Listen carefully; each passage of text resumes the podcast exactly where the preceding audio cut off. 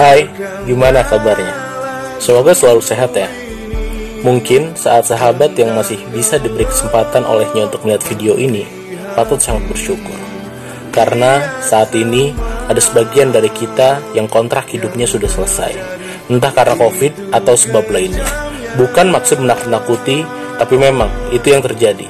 Dan tentu itu semua bisa terjadi kepada kita tanpa terkecuali.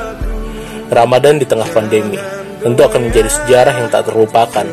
Walau kebiasaan kita banyak yang hilang, tapi ini jelas kesempatan dari Tuhan untuk beribadah dan mengkaji diri jauh lebih terbuka lagi. Setelah selama ini kita sering sekali disibukkan dengan cara berpikir orang lain, sampai kita lupa seharusnya kita punya cara berpikir sendiri. Kita sering kali sibuk mengomentari pribadi orang lain hingga lupa kita sendiri tak pernah berintrospeksi. Ada yang seolah mudah, tapi nyatanya sulit dilakukan, yaitu menjelajahi diri sendiri. Padahal Tuhan meminta kita mengoptimalkan kemampuan yang ada di dalam diri kita. Wahyu pertama yang diturunkan olehnya adalah ikro. Masih ingat? Artinya bacalah.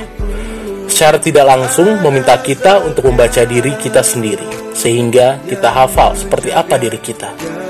Yang kita lihat di luar diri kita pasti tidak semuanya baik, tidak semuanya menyenangkan, tidak semuanya berkesesuaian.